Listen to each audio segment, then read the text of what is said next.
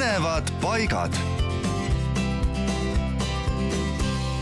kuulad raadiot Elmar, Õhtusumin jätkub ja taaskord kolmapäeval on see hetk käes, kus äh, mõne põneva paiga teile oleme leidnud, mida võiksite külastada. võib muidugi ette tulla, et te olete sellest kohast kuulnud, kuid pole veel ikka sinna jõudnud või olete käinud, aga see oli ikka ammu.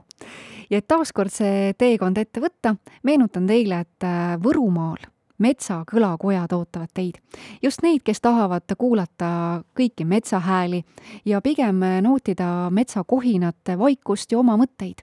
selleks ongi hea Võrumaale minna. Pähni Looduskeskuse lähedal Kuusikusse ja seal on siis metsakõlakojad kolm heledast puidust kolmemeetrise läbimõõduga hiigelruuporit. kuidas sinna jõuda, on väga lihtne Valga poolt tulles viiekümnendal kilomeetril paremale sõita, kuus kilomeetrit, kuni jõuate siis Pähni külasse. kruusatee lõppedes tuleb keerata esimesest teeristist paremale ja sõita mööda teed, kuni tee äärde jääb viit metsakõlakojad metsakõlakojad rõõmustavad meid juba kahe tuhande viieteistkümnendast aastast, nad on pikalt juba metsas seal olnud ja palju ilusaid hetki pakkunud.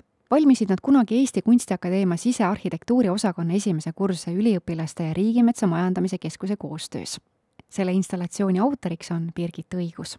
tore ju ikkagi kas või matka kõrval leida hetk, miks mitte lehitseda raamatut või siis lihtsalt nautida metsa ja neid hääli ja oma mõtteid. helirikkust seal jagub ja tavalisest võimendatult, sest et selleks need ruuporid ju tegelikult tehtud ka on. ka vähenõudlik matkaline võib neis ka öö mööda saata parkida saate auto metsatee äärde ja lähim lõkke tegemise võimalus on teil Pähni metsaonni juures seal on ka leida palju metsaõpperadu ja loodusega koos.ee lehelt leiate kõige paremini ka üles, kuidas sinna täpselt kohale jõuda.